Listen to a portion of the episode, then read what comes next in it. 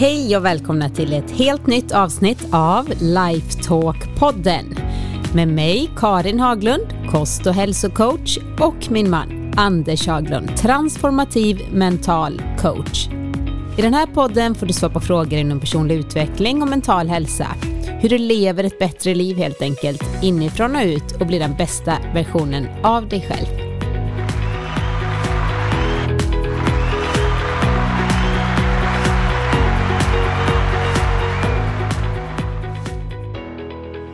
Hej Anders! Hej Karin! Då är det dags för ett nytt poddavsnitt. Ja, det är det ju. Ja, underbart härligt med alla era fantastiska bra frågor, måste jag säga. Som jag då inte vet någonting om. Du vet inte, jag vet allt.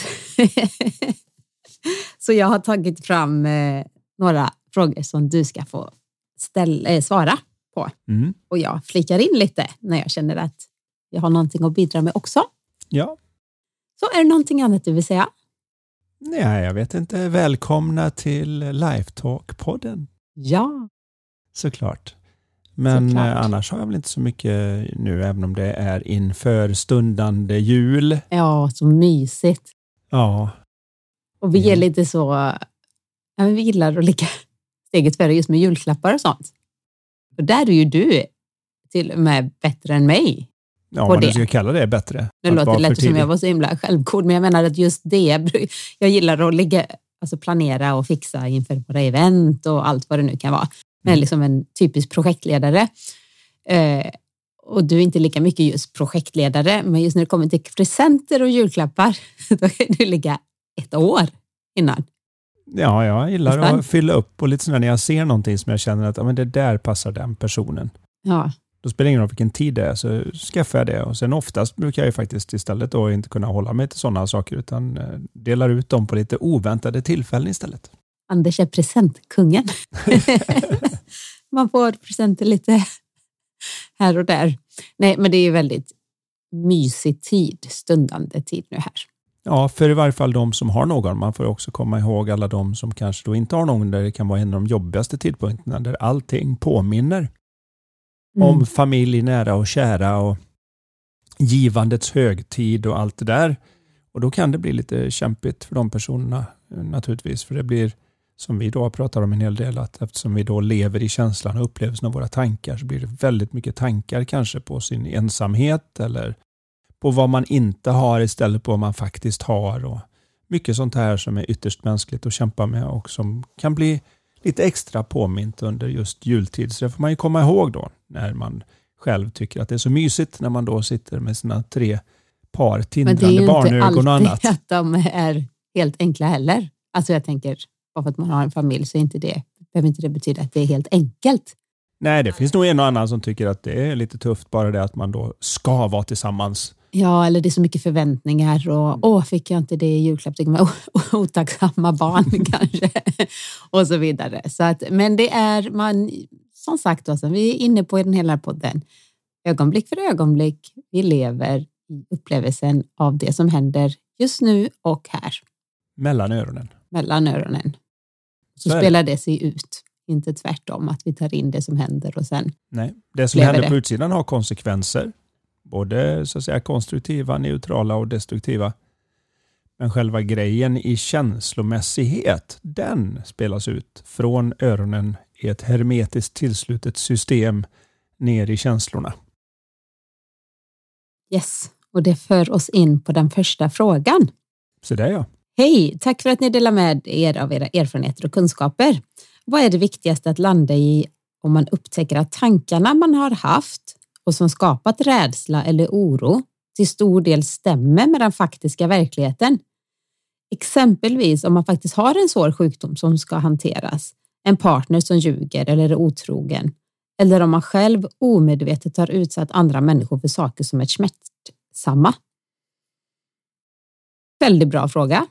Ja, och det går ganska mycket ihop med det som jag precis sa nu utan att veta Ja. vad frågan skulle bli, får man väl säga. Därför att självklart har då alla de här sakerna som nämns i frågan en konsekvens. Men den har inte nödvändigtvis en konsekvens inne i känslolivet på samma sätt som kanske de flesta antar. Så när vi börjar förstå hur vi faktiskt fungerar så blir det väldigt mycket mindre att hantera på utsidan och något att förstå på insidan.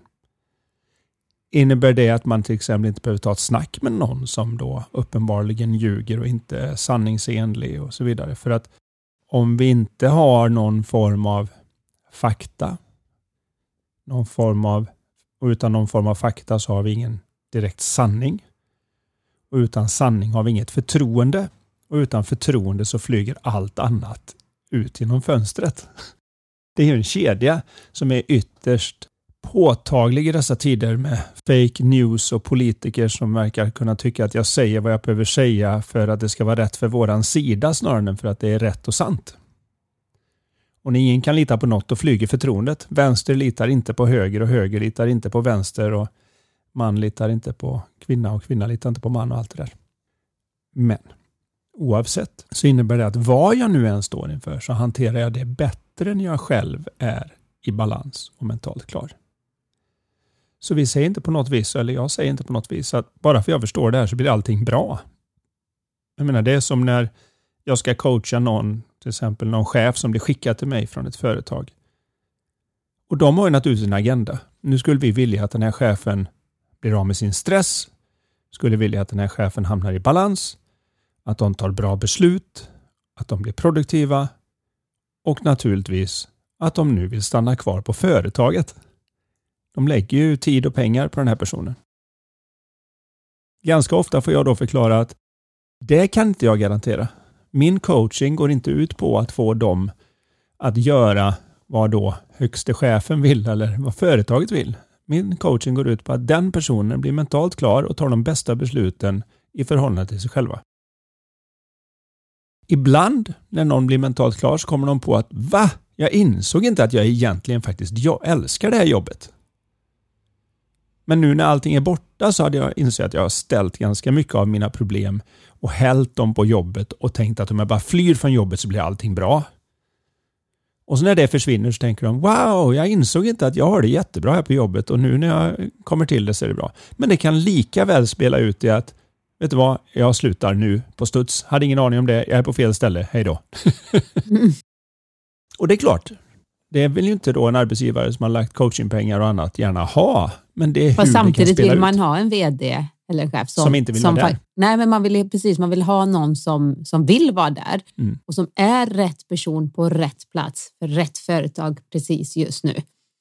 Så egentligen så gör ju då de en tjänst också.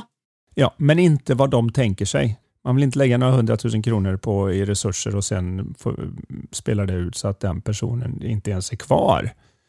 Då kan man ju hamna i nästan samma sits som jag vet det militära gjorde ett tag där man utbildade stridspiloter och jag kommer inte ihåg vad det var, men i genomsnitt kostade en stridspilot fyra miljoner att utbilda eller någonting. Det var ganska dyrt att utbilda en stridspilot. Mm. Och sen kommer SAS och tar de här människorna och säger du får 90 000 i månaden. Ja, det är klart man kan ge dem 90 000 i månaden och inte behöver ta de 4 miljonerna i utbildningskostnad.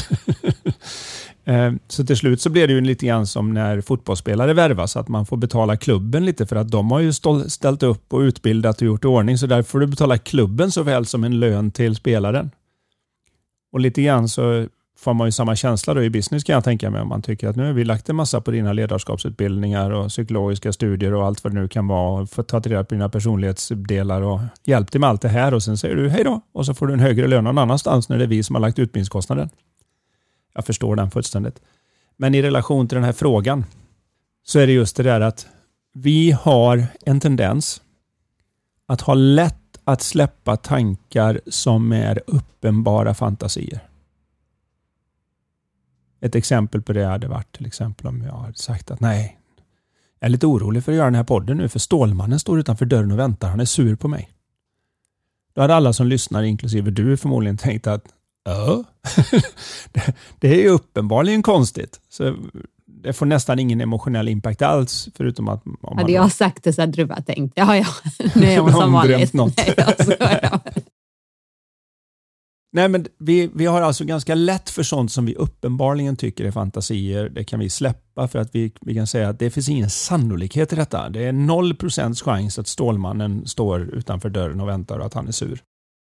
Så ingen impact, man öppnar inte dörren försiktigt, man kanske förbereder sig inte, man flyr inte ut genom fönstret åt andra hållet. Det är massa sådana här saker. Alltså man, det får ingen impact för det är så uppenbart att det är noll sannolikhet.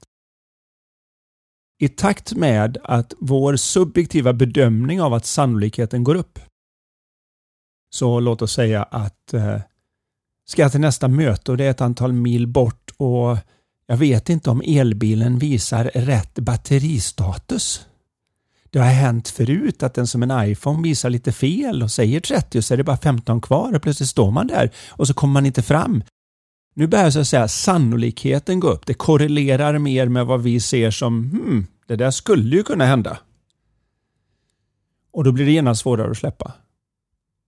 Så vad jag tycker att vi behöver är en helt ny definition av vad är fantasi. För fantasier har vi lätt att släppa. Det där var rena fantasier. När barnen kommer och berättar vad de har drömt på natten och sånt så är det lätt för en vuxen att se att herregud, varför är han orolig över det där? Det är ingen större risk att det dyker upp eh, Spiderman som är sur på Eller dem och tar deras Playstation. Eller som är lite väl alltså så här, på sätt och vis dåliga då för att de är för uppenbarliga. Nej, nej, nej du, jag går inte på den. Nej. Det var liksom too när det är på gränsen till nej, eh, kan nej, det, kan det. det är då de är så att säga bra skämten. Ja, men det är också då de blir svårare att släppa och det är för att vi har en viss idé om att våran personliga idé om sannolikheten för att något ska hända gör om det är fantasi eller inte. Istället för att se att alla människor har samma utmaning, vilket är att ingen kan förutsäga framtiden. Vi kan vara med och skapa den, men vi kan inte förutsäga den. Ingenting som har hänt kan utöver de eventuella konsekvenser det har haft påverka oss känslomässigt nu. Oavsett om det är att jag har fått amputera ett ben eller någon annan otäck grej, då har jag inget ben. Jag har konsekvensen av det. Men själva olyckan och smärtan är borta nu om det har gått ett tag. Så om jag känner av det och rycker till och sånt, då tänker jag det. Så det förflutna är borta och ingen vet vad framtiden är. Så man kan säga att allt tänkande som är utanför det här ögonblicket är fantasier. Nu har vi en helt annan definition. Det innebär, att jag tänker på att den här personen inte talade sanning förra veckan. Nu är numera en fantasi. Även om det så att säga stämde och korrelerade så är det ändå en fantasi för att det är borta, det är över nu. De kanske ljuger nästa gång jag träffar dem. Ja, det är framtiden. Vad kan jag göra för att hålla mig safe för den här stunden? Nu är det inga fantasier, för nu är det vad som är på min tallrik just nu. Så det är en helt ny definition. Istället för att definiera det efter vad jag anser är sannolikt så är det så att fantasier är det som sker utanför det jag har på tallriken i denna stund och inte hur sannolikt jag bedömer det. För någon som är schizofren eller någon som lider av någon form av paranoia till exempel. Så när de hör djävulen prata ur eh, stickkontakterna så erbjuder det ingen sannolikhet utan det är 100% sant och därför är det inte fantasi och därför reagerar jag som det var på riktigt. Eller jag är övertygad om att en mördare förföljer mig på gatan och går och vänder mig om, vänder mig om, vänder mig om. Det är ingen där hela tiden men jag vet att de bara gömmer sig bra nog. Då har jag tagit min subjektiva bedömning om att det är sannolikt att jag är förföljd av en mördare och eftersom jag anser att det är sannolikt så är det också heller ej en fantasi. Nu tar jag ett väldigt radikalt exempel här för att separera ut det. Så den personen får ju problem med sånt som vi andra skulle lätt kunna släppa loss ungefär som Stålmannen utanför dörren. Så hemlisen här, och jag vet inte, för det här är lite klurigt, men när jag coachar om det så brukar det kunna landa ganska bra om man väl ser det att det kräver en ny definition av vad som är fantasi och inte för att klara av att släppa de där tankarna när de korrelerar med verkligheten. För problemet är ju att ena gången tror vi att vi kan läsa tankar när vi då tänkte att jag visste att du tänkte det. Ja, det gjorde jag faktiskt. Jag tänkte på det. Då känns det lite som att, ha, kolla jag är ju tankeläsare. Men det innebär inte att du har mer rätt nästa gång. Men det är lätt att känna det för att nu går så att säga ens egen subjektiva idé om sannolikheten om att jag har rätt i vad du tänker när du snörper på munnen eller lyfter dina ögonbryn och hur det har med mig att göra går upp i mitt huvud och därmed är det på riktigt och väldigt svårt att släppa. Men du kanske inte alls hade med det att göra? Du och jag har pratat om det någon gång, jag tror det var på en kurs vi hade i Dubai eller på Mallorca. Så pratade vi om det här med verkliga problem och tankeproblem. Mm. Kanske kan vara någonting här att säga just att ett, ett eh, verkligt problem kan vara till exempel en vattenläcka i huset som gör att om du, liksom, jag ska inte tänka på ett problem, jag ska inte tänka på ett problem. Alltså om du slutar tänka på det så kommer det fortfarande finnas kvar där. Och det, det är ett, och till och med bli värre. Eh, med, medans tankeproblem som är de, det vi upplever som problem idag är till största del ändå tankeproblem. Om vi slutar tänka på dem så blir de inte värre utan snarare så försvinner de. Ja, man upptäcker att problemet är över i nästan samma ögonblick som jag slutar tänka på det. Ja. Men som vi säger som en svår sjukdom, den försvinner ju inte för att man slutar tänka på dem eller tänka på sjukdomen. Men vi, det blir så lätt att hamna i att man adderar tankeproblem om den fysiska sjukdomen. Så man har både en, en verkligt problem och en massa påhittade problem runt det. Så det. Och det är där vi gärna fastnar lite. Och när man är mer mentalt klar så tar man mera hand om det faktiska och kan bearbeta det som är just nu. Ja, det är lätt att glömma om vi tar en sån just nu lite relevant grej för oss. Men vi säger att man har ett dödsbesked som är i framtiden. Med andra ord, cancer obotlig. Du har tre månader kvar att leva. Och i det här fallet gick det ännu fortare än så. Om vi tänker på min kära vän. Nu har vi ett par delar i det, för att det är på riktigt att man ska dö. Det visar sig senare stämma att man ska dö. Men döden, om vi nu säger det, finns många som går in med dödsångest. Jag har sett journalister som skriver om sin dödsångest och hur de alltid tänker på den. Så om vi nu sätter upp döden som ett begrepp och sen runt omkring det så tänker vi en massa. Tänk om, tänk om, tänk om och tänk om det och tänk om det och tänk om det händer. Till slut så kan man ju få sig själv att knappt våga gå utanför dörren. Man kan bli överkörd, man kan trilla och slå i huvudet, man kan råka ut för en massa saker. Man vågar inte äta saker och inte göra saker för allting är farligt. Man, livet, livet är liksom farligt att leva, man kan dö. Då får jag en massa, om någon kan göra upp bilden framför sig, att man skriver liksom döden i mitten och så tänker man sig en massa små ten runt omkring. Det dyker upp mängder med små ten. Överallt är det små ten. Och var och en av de tena är en tanke jag har om döden. Nu tycker jag alla de där små tena är berättigade naturligtvis. Eftersom döden är ju på riktigt, vi ska ju dö. Det verkar inte vara någon som kommer levande härifrån. Än i alla fall. Än så länge så verkar ingen komma levande, levande härifrån planeten. Utan det verkar vara en del av livet, döden. Nu har jag alla de här tankarna och jag är helt berättigad för det är ju sant. Det korrelerar med verkligheten. Men när jag inte tänker på den så lever jag ganska fint. De allra flesta gör det. Kanske är många som lyssnar på det här nu som inte haft en tanke om döden innan jag står här och ställer till det eller något. Men det som vi alla missar nu är att vad du än har skrivit i mitten ihop med döden är också en tanke, det är som ett stort T. Med en massa små T runt. Så vi har alla bestämt vad det innebär för oss när vi säger döden.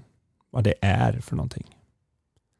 Så vi glömmer gärna av att det vi tänker alla de små tankarna om är även det en tanke i mitten.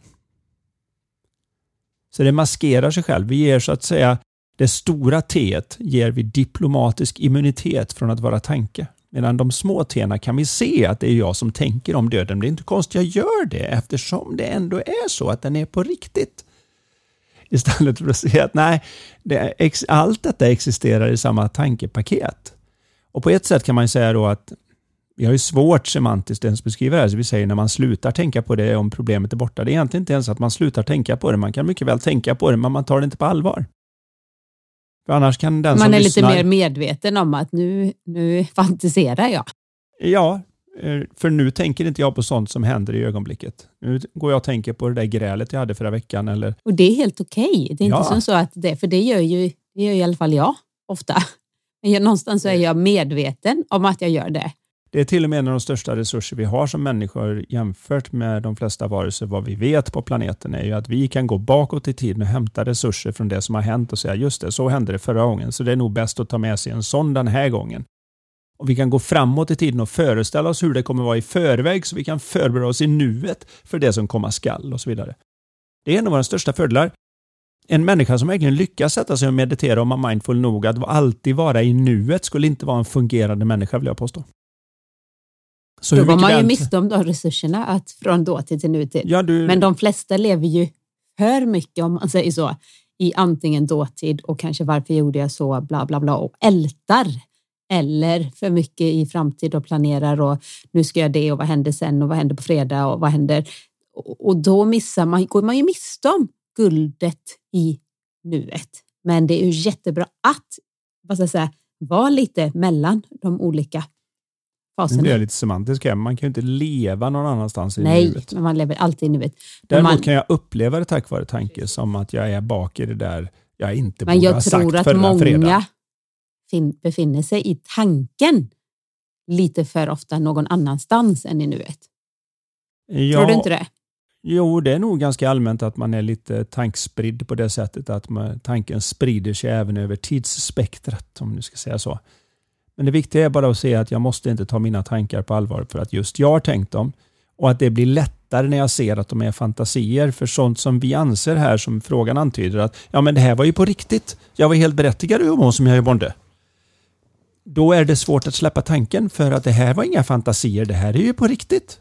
Och då missar vi det att nej, det är alltid fantasier när det är utanför vad jag har framför mig precis just nu. Mm. Därför det ena är över och det andra kan ingen förutsäga. Så hemlisen där, läs gärna sista biten av frågan bara så att jag inte har missat något där nu.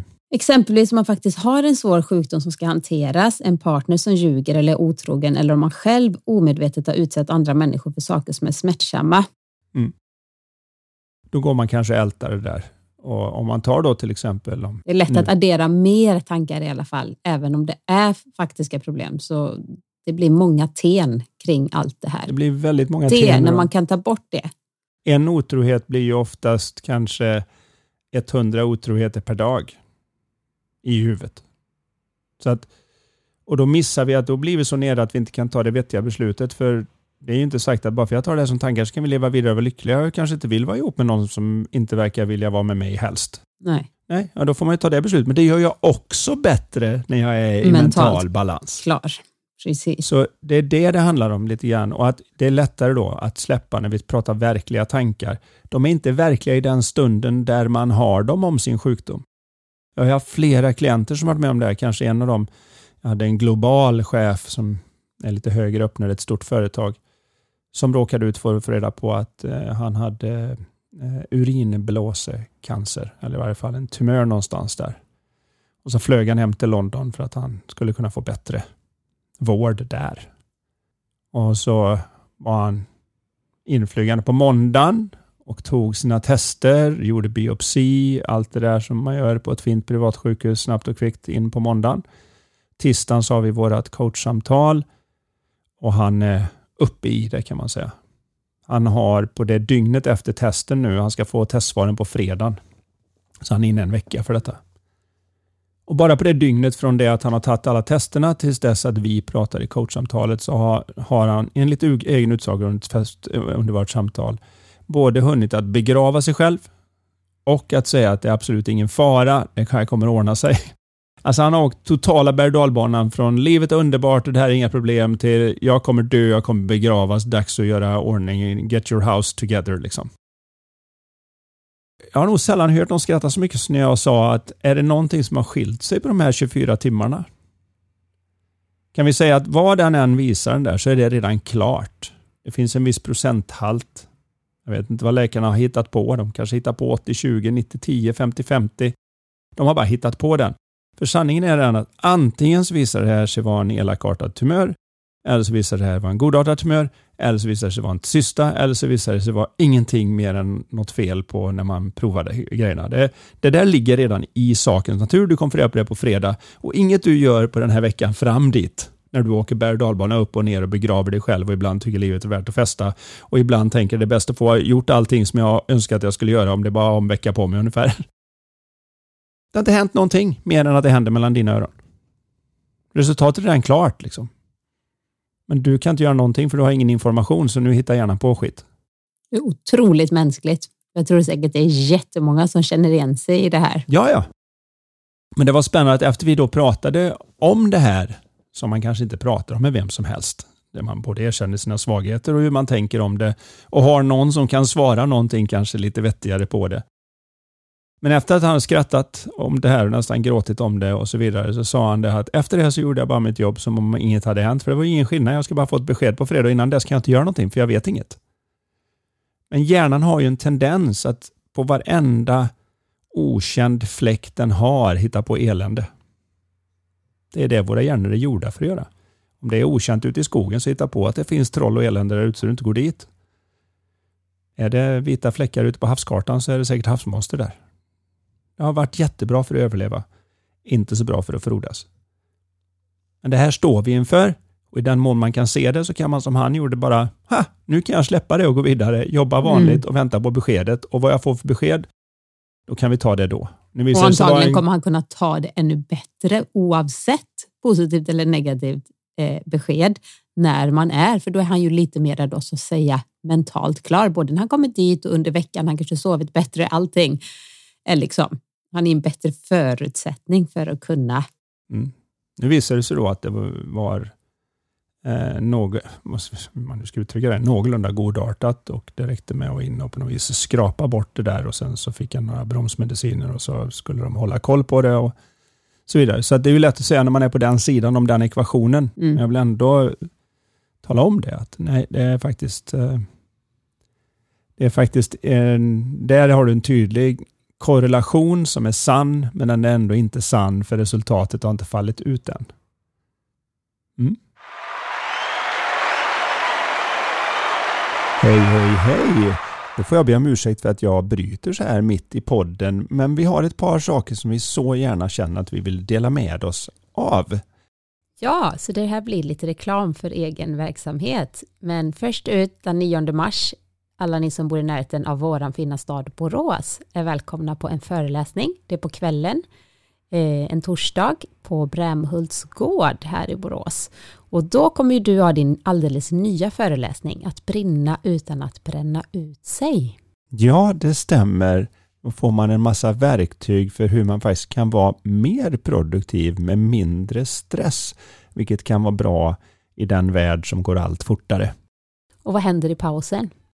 Ja, då får man ju smaka på dina fantastiska eh, små verk från någon bok eller något det blir, men det blir någon form av eh, plocktallrik med min eh, hälsosamma färggranna mat. Och dessutom är det här otroligt prisvärt, det kostar bara 595 kronor. Mm.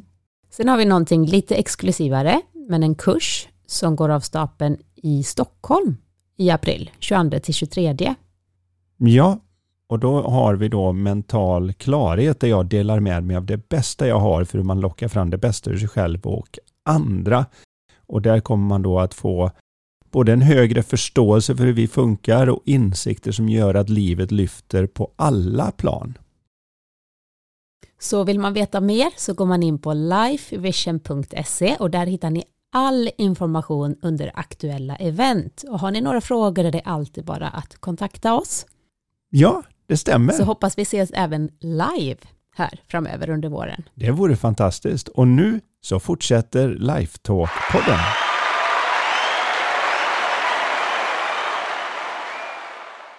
Så, då tar vi en ny fråga, eller egentligen är det ingen fråga. Det här är eh, ja, men lite vad vi tycker om, eh, om, om en sak som lyder så här. Hej, min sambo viger nu sin fritid åt att läsa in sig mer om mental träning för att kunna gynna ungdomar med det i framtiden är det tänkt. Hans vision är att framtida gymna gymnastiklektioner ska innehålla lika stor del mental träning som fysisk, något som skulle kunna gynna nutidens ungdomar. Vad tror ni om hans teori? Det är från Carola. Ja. Applåd! Ja, det är Yay. fantastiskt att man lägger upp det. Jag tror dock att man inte ska separera mental träning och fysisk träning riktigt så mycket. Det är bara min åsikt. Vi får se vad han tycker om det mm, svaret. Mm, mm. Men vad jag menar med det är det att i varje fysisk aktivitet jag gör så kan man lägga in en mental komponent utan att behöva liksom ligga på golvet och tänka mentala övningar. Nu vet inte jag om det är så han har tänkt överhuvudtaget, Nej. men det är bara, jag vill gärna bara göra klart det. Att det kan vara oerhört meditativt och vara mentalt tränande att sitta och svara på mejl om man vill det.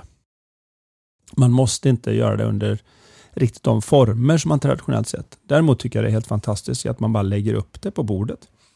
Och, och, kanske jag ser det som att tänk att ha precis som ett yogapass. Jag tränar stanga yoga som är en väldigt fysisk form av yoga där man alltid avslutar med minimum 10 minuter i avslappning på slutet. Eh, och när man kör så att säga Mysore practice så kan man ligga kvar så länge man vill. Jag, säga. jag, brukar, jag har ingen aning. Eh, jag brukar ibland nästan, inte somna kanske, men är helt sådär, det kan gå en halvtimme ibland. Du säger, oj, det var lite senare hem idag. Ja, jag låg nog länge i savanserna. Eh, väldigt, väldigt skönt och faktiskt, jag tror för många lättare, särskilt för ungdomar, kanske lättare när man är nästan fysiskt uttröttad att få lite bättre kontakt. Så man kan gifta ihop de två ämnena och kanske förlänga idrottslektionen och få in det här med både andning och återhämtning och avslappning och i det tillståndet få in eh, att man pratar mer om det mentala, personlig utveckling. Men jag tycker det är ju någonting som ska följas med i varje, det skulle ha ett, som ett eget ämne. Det ska inte bara hänga kanske på gymnastiklärarna utan det ska vara det ska vara integrerat i hela skolsystemet. Ja, för bara det faktum att till exempel matteläraren förstår hur mycket bättre och snabbare en människa tänker när de är avslappnade. Och att man kanske när folk har kommit in bara ställer frågan, är alla redo? Är ni på plats? Eller kanske då, är det någon som inte känner att ni är på plats? Så ta någon minut bara och finn din plats i stolen och slut ögonen lite och slappna av eller gör vad du behöver göra, vad du än vet om hur man bara rekalibrerar och startar om datorn innan vi startar. Bara att man visar att man lägger upp det på bordet, att det är viktigt att vara på rätt ställe och att inget annat påverkar mer än just det. Hur jag dyker upp, varifrån inom mig själv jag dyker upp på denna mattelektionen, svenska lektionen. Tänk på prov och så vidare också. Ja, för det är just det här att när jag är tillräckligt anspänd så stänger sig så att säga och låser sig verktygslådan. Och jag har inte samma förmågor. Det skiftar i sam ihop med sinnestillståndet. Så att bara att man förklarar det och att ungdomar tidigt får med sig den. Att checka in, checka in dig själv först innan du gör något annat.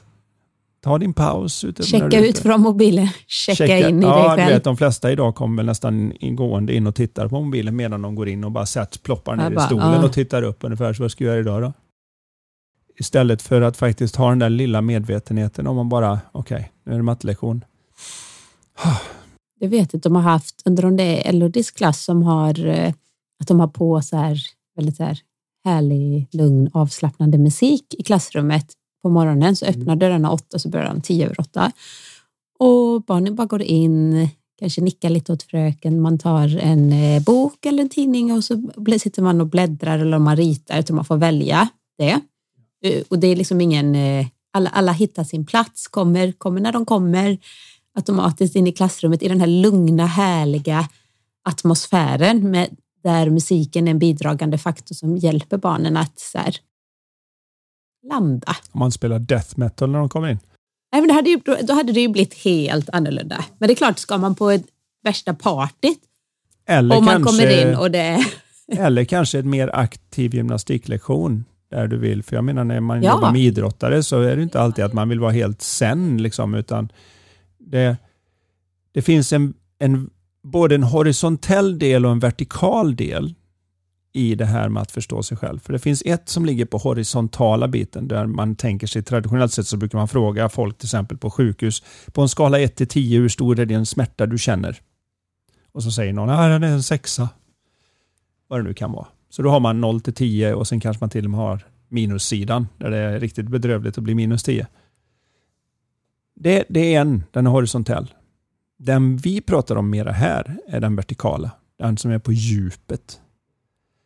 För när jag så att säga är lite djupare i kontakt med mig själv, då kan jag vara lite var som helst på den horisontella skalan och det är fine. Jag kan vara skönt ledsen. Jag kan vara ganska uppe i varv och vara skönt uppe i varv och redo. Är jag däremot inte med i det vertikala djupet, ja då kan uppe i varv kännas maniskt och hysteriskt. Medan nere kan vara helt bedrövligt deprimerande och ångestladdat. Så de flesta, vill jag påstå, mig själv inkluderat för ett antal år sedan, jobbade på den horisontella skalan. Att förflytta sig horisontellt istället för att förflytta sig vertikalt. Och vertikalt där kan du inte förflytta dig på samma sätt därför att det är ett ställe som finns inuti oss själva som jag bara behöver checka in för att veta vart jag är. Och när jag går på den skalan då följer allt det andra med. Och Då är det inte lika viktigt vart jag är på den horisontella skalan. Då kan jag vara så att säga lugn och det är skönt. Jag kan vara lite uppjagad och det är skönt. Medan när jag jobbar med den horisontella skalan är inte alltid jag får med den vertikala för jag vet inte att den existerar. Så jag tycker här sitter jag och försöker lyssna på lugn musik och göra lugna saker och ändå är jag eh, helt stressad mellan öronen. Jag finner ingen ro. För att vi missar att titta i den led som är. För när du sköter den vertikala då följer den horisontella med. Men om du sköter den horisontella följer inte den vertikala med. Kan man få med den då därför att mycket mental träning har traditionellt sett jobbat på den horisontella skalan. Där man antingen tänker att bara du är avslappnad så löser sig allt eller bara du är på det här sättet så löser sig allt istället för att se att nej, du med den vertikala så spelar det inte ingen roll. Då kan du vara på det ställe som behövs för den uppgift du har framför dig. Det finns ju väldigt kalibrerade saker. Vi säger till exempel en skytt får inte vara speciellt uppjagad för pulsen ska vara låg för man ska skjuta mellan hjärtslagen. Andetagen ska vara ganska långsamma för man ska skjuta när det är jämnt i andningen för annars reser och sänker sig pipan och så vidare. Medan någon som ska in på en hockeymatch i OS eh, som vet Eller att nu ska någon annan eh, skrinna mot mig i 50 km i timmen och försöka tackla upp mig i plexi.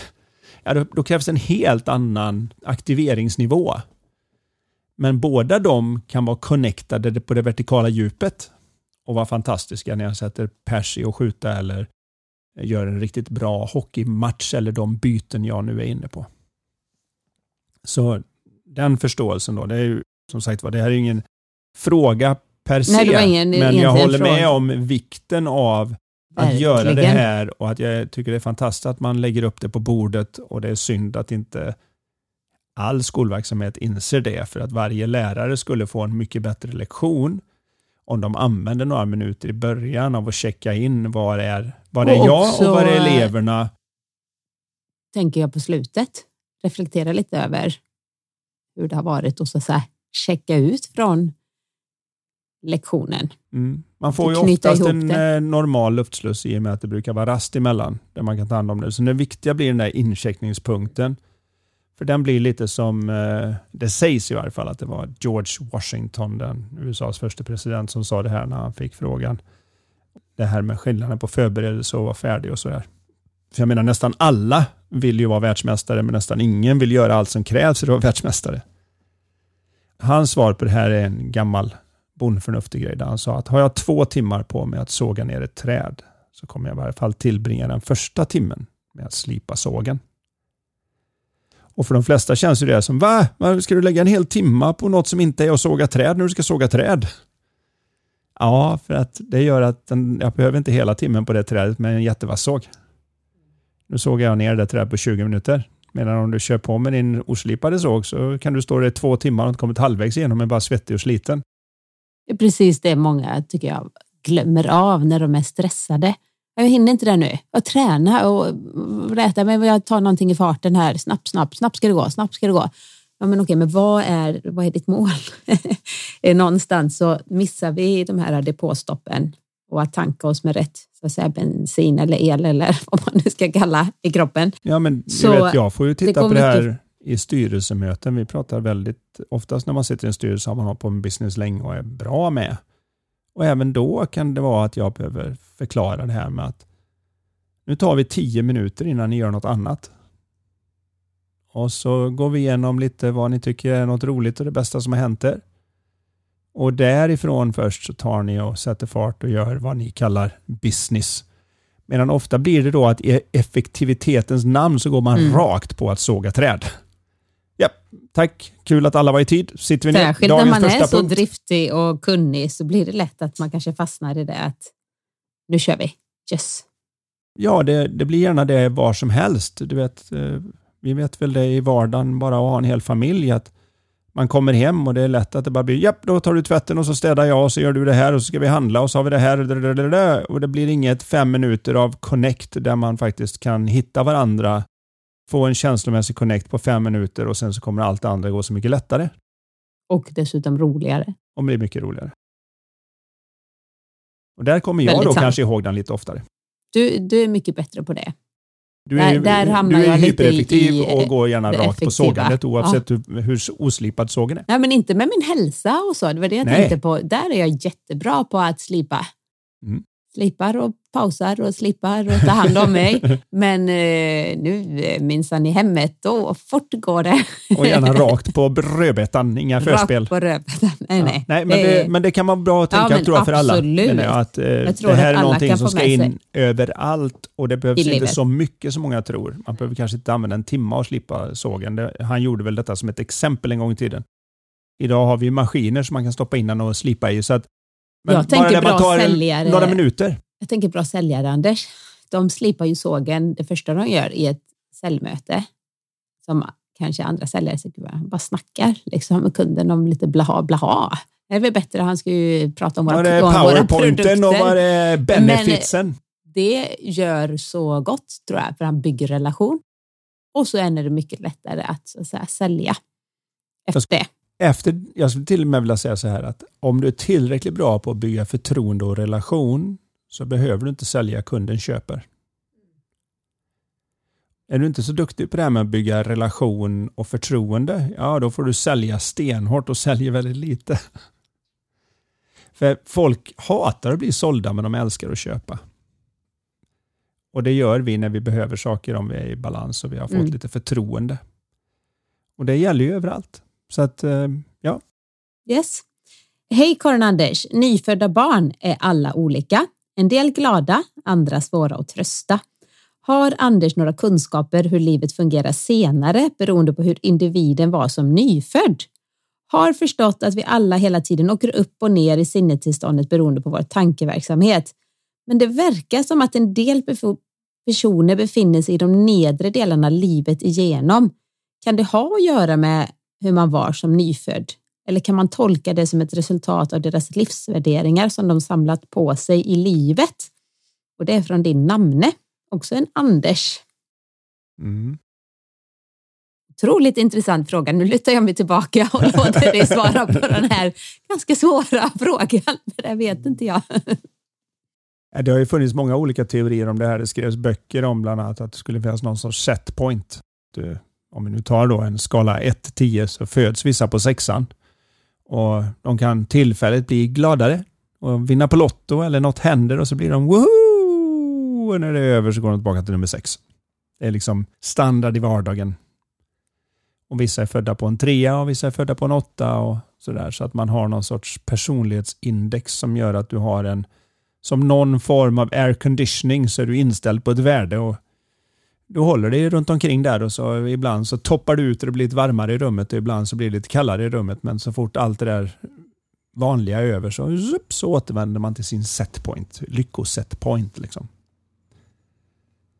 Och det här kan man naturligtvis se lite grann i labbverksamhet och sånt men det jag ser i min coaching är att den verkar inte vara så stadig som de påstår i de böckerna därför att när någon gör en insikt om sitt tänkande och tar det på mindre allvar och mer av deras livskraft tittar fram så verkar de sväva upp en hel del och säga att de är nöjdare och gladare i vardagen rent allmänt.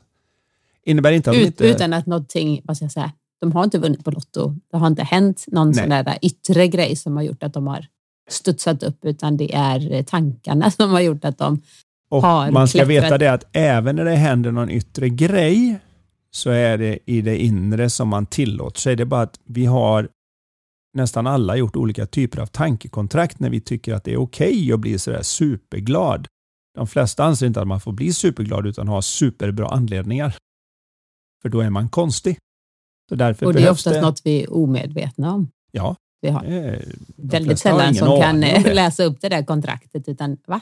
Just det, det, här, det är liksom Nej, men undermedvetet. de flesta har ju det i stort sett så att om man, och våra rent kulturellt alltså, så är det ju så att vi tillåter folk att må ganska dåligt utan anledning. Men må bra det får man inte göra utan anledning.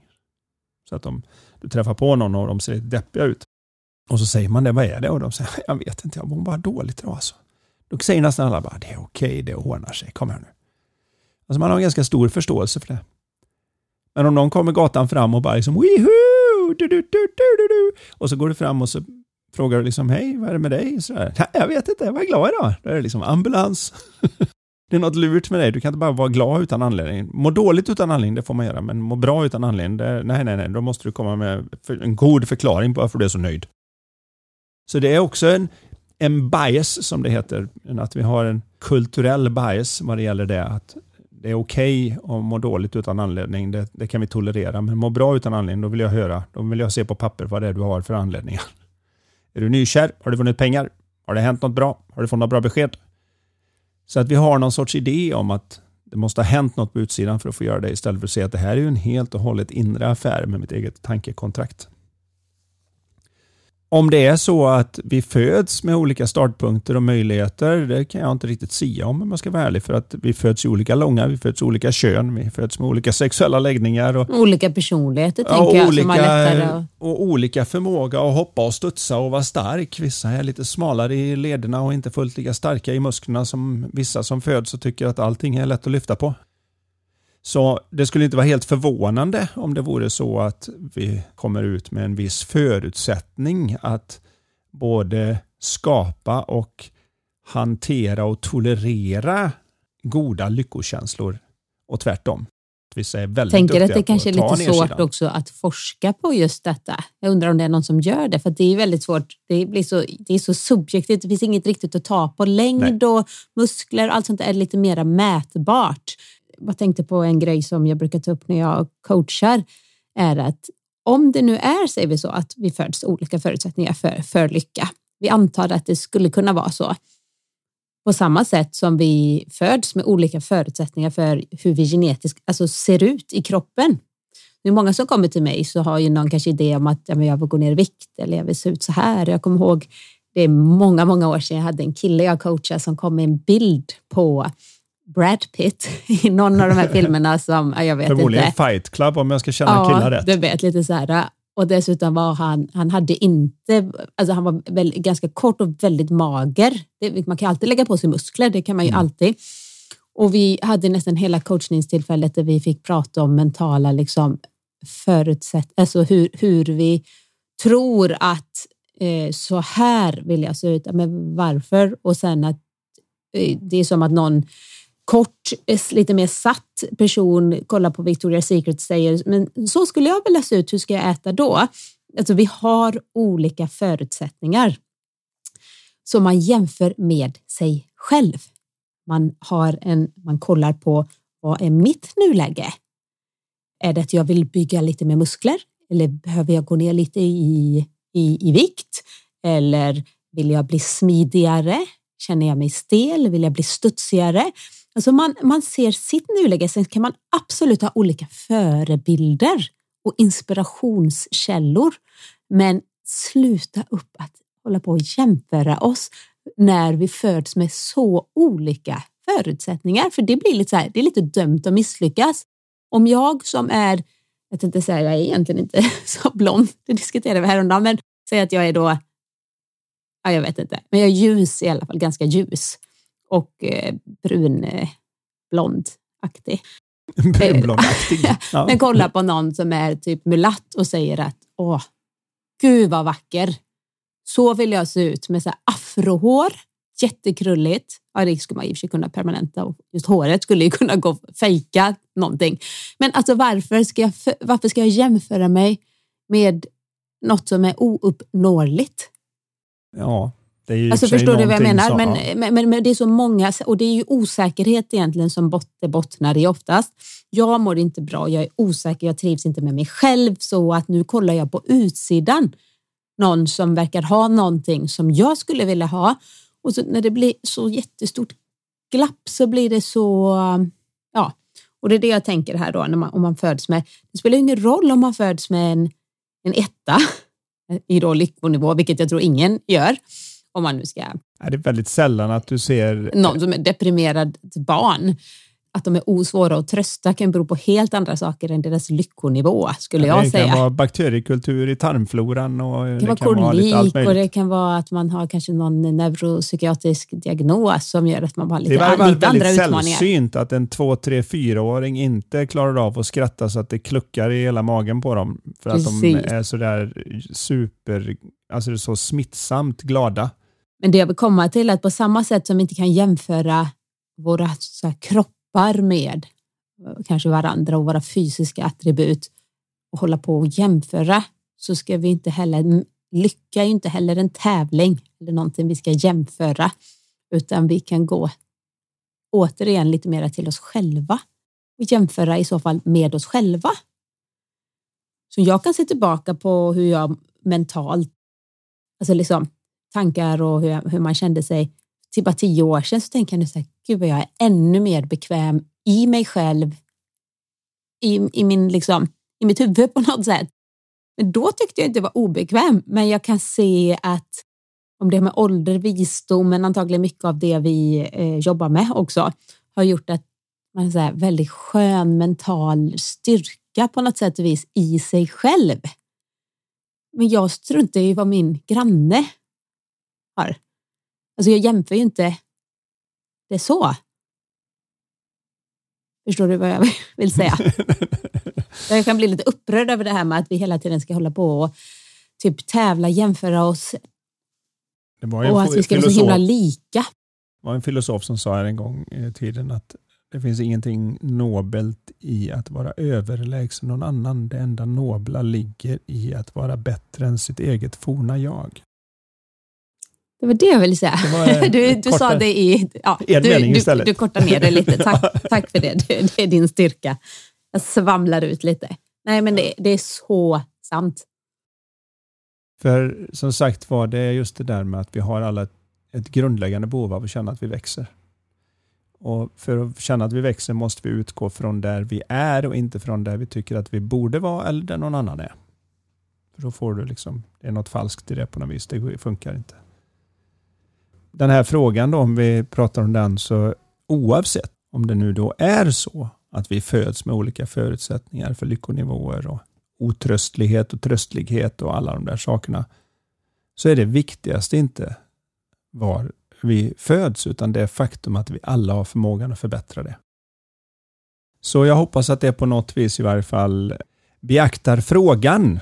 Det här är ju någonting som man då kan ha mycket teorier om, men det viktigaste är att se att det finns förbättringsmöjligheter var på skalan man än befinner sig och att den kan verka mycket, mycket större än vad man kanske kan tro. Det här är någonting unikt med oss människor som jag tycker är viktigt att ta upp i sammanhanget faktiskt, som slår mig.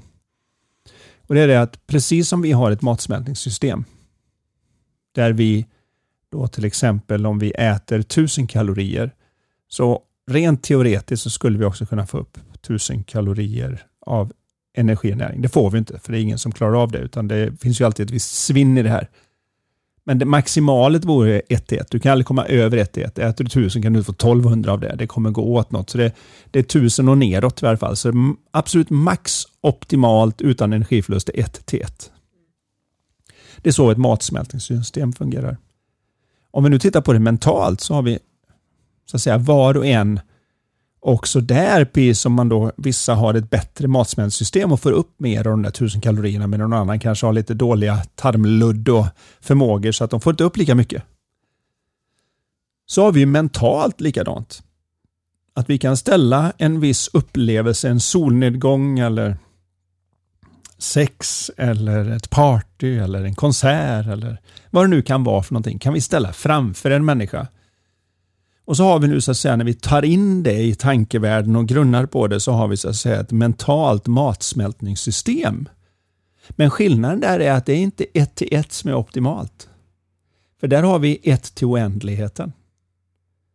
Så att man kan få vad man kallar en peak experience på en solnedgång. Där man sitter och bara, det här blir inte bättre än så här. Jag tror aldrig jag har mått så här. Där man kan dela tystnad med någon man gillar inte ett ord nämns och man kan sitta där och bara känna att det blir inte bättre än så här. Det finns en sorts uppvaknande, en peak i det som säger att jag kan sätta en del upplevelse i yttre världen men få ut nästan oändligt av den i den inre världen. Åt båda hållen. Mm. Och eftersom vi i den mentala världen inte jobbar med kalorier och faktiska värden så innebär det att vart jag än befinner mig på den där bebisskalan, eftersom jag jobbar med oändligheten så kan jag förflytta mig oändligt mycket och då spelar utgångspunkten inte lika stor roll. Mm. Ja, jättefint förklarat. Och när vi var inne lite där på teorier så satt jag och tänkte på att det är lite som med gener och livsstil och idag vet man ju att väldigt det finns genetiska sjukdomar och generna har absolut betydelse, men den största betydelsen är våran livsstil. Vi äter och vi tränar, miljöfaktorer och så vidare som kan epigenetiskt slå på och slå av vissa gener och så vidare. Så då tänker jag att om man ponerar att det här skulle ligga någon sanning att vi föds med lite olika genetiska förutsättningar för lycka så är det ändå den största eh, hävstången är ju precis det du pratar om och också livsvärderingar och så vidare. Eh, alltså det man lär sig, personlig utveckling, att investera i sig själv är liksom bland det bästa man kan göra. Lära känna sig själv mentalt. Självklart vill jag också att folk ska investera i sin hälsa, i sin liksom, fysiska kropp. Allting är ju ett, ett och samma. Men det mentala är så otroligt värdefullt. Och du som lyssnar på våran podd och som lyssnat hela det avsnittet, du gör ju just det. Så en applåd till dig som är en sån person som tar dig både tid och kraft och energi och intresse för att utforska mera av hur du kan bli en bättre version av dig själv. Mm. Det är värt att fira. Skala av till den där fina versionen som redan finns där inne som en liten rysk Ja. docka. Precis. Och jag vill innan du tar din fråga som jag ser Mm. att du sitter och håller i, gärna också ta upp en del till det här som slår mig och det är det att nästan allt annat på planeten föds väldigt färdigt. Vad jag menar med det är att en fågel som föds föds med allt den behöver för att vara en fågel nästan från start. Så den behöver bara på något vis betingas till sin mamma och sen när den lärt sig flyga så den har det mesta med sig. Den flyger söderöver och fixar allt som fåglar behöver. Den bygger bo utan att behöva gå på byggkurs. På något vis. Det verkar som att det ligger någonstans i inuti dem så att det mesta går på instinkt. En människa däremot och ett av skälen till att vi dominerar planeten så oerhört är att vi föds väldigt ofärdiga. Om en fågel skulle bli droppad på fel ställe så klarar den sig inte där därför att det finns inte det byggmaterial som ligger i deras instinkt och den kan liksom inte lära om och bygga med stenar på en generation. Men en människa föds så skulle vi kunna bli droppade på Grönland och säga att vi sälkött och bygger iglos ganska snabbt. Det är inte som att den bebisen tycker att nej, jag kommer från ett annat ställe. Till skillnad från en koala som du släpper någonstans lite, bara några hundra meter bort från eukalyptusträden så dör den. Den kan inte göra något annat i instinkten. Är, den är så färdig att den inte kan ändra sig lika lätt. Medan vi människor föds så ofärdiga att vi, det viktigaste med oss downloadar vi efter födseln. Vi andra människor. Kultur, språk, hur man umgås, hur man bygger, hur man lär sig. Och Det är det som gör att vi då kan klara av en så här snabbt förändrad värld som vi nu faktiskt gör. Där vi då utan att ha någon så att säga, instinkt för dataprogrammering kan lära oss det. Utan att ha någon instinkt för att bygga höghus kan göra det. Allt det här kommer vi utan, men det gör ju också att vi har en mycket, mycket längre tid för att bli färdiga. Om vi någonsin blir det ens. En gnu som föds, det är liksom mamma buffar på den och säger du har ungefär 12 minuter på dig, sen kommer lejonen. Du har 12 minuter. Res dig upp. Res dig upp, svaga ben har legat i magen precis som vi gör.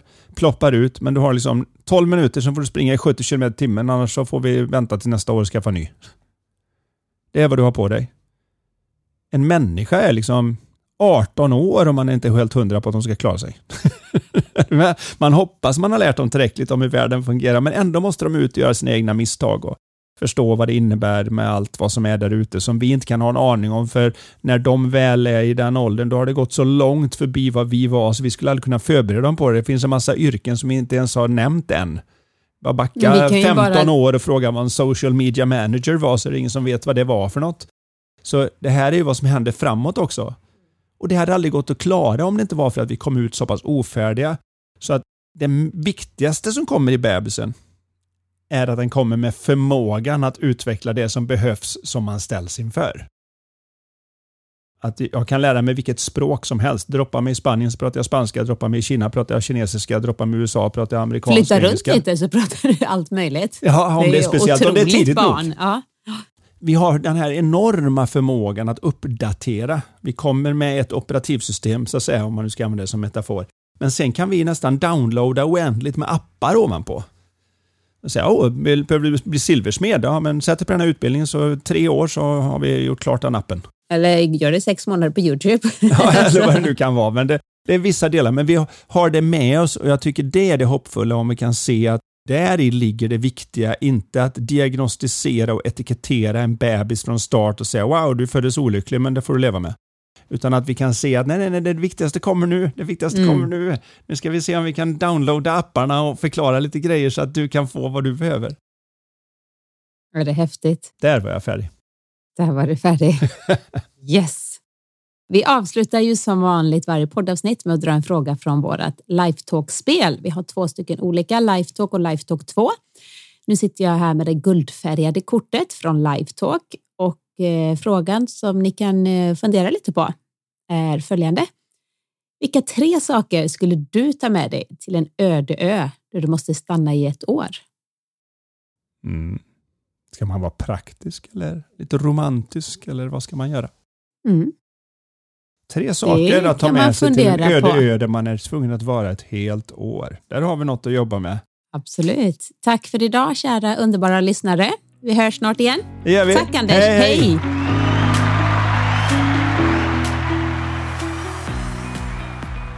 Du har lyssnat på Lifetalk-podden. Vi vore så tacksamma om du vill lämna ett betyg och eller recension i iTunes. Dina frågor de kan du skicka till oss på lifetalkpodden.se. Spelet Lifetalk finns också att beställa där.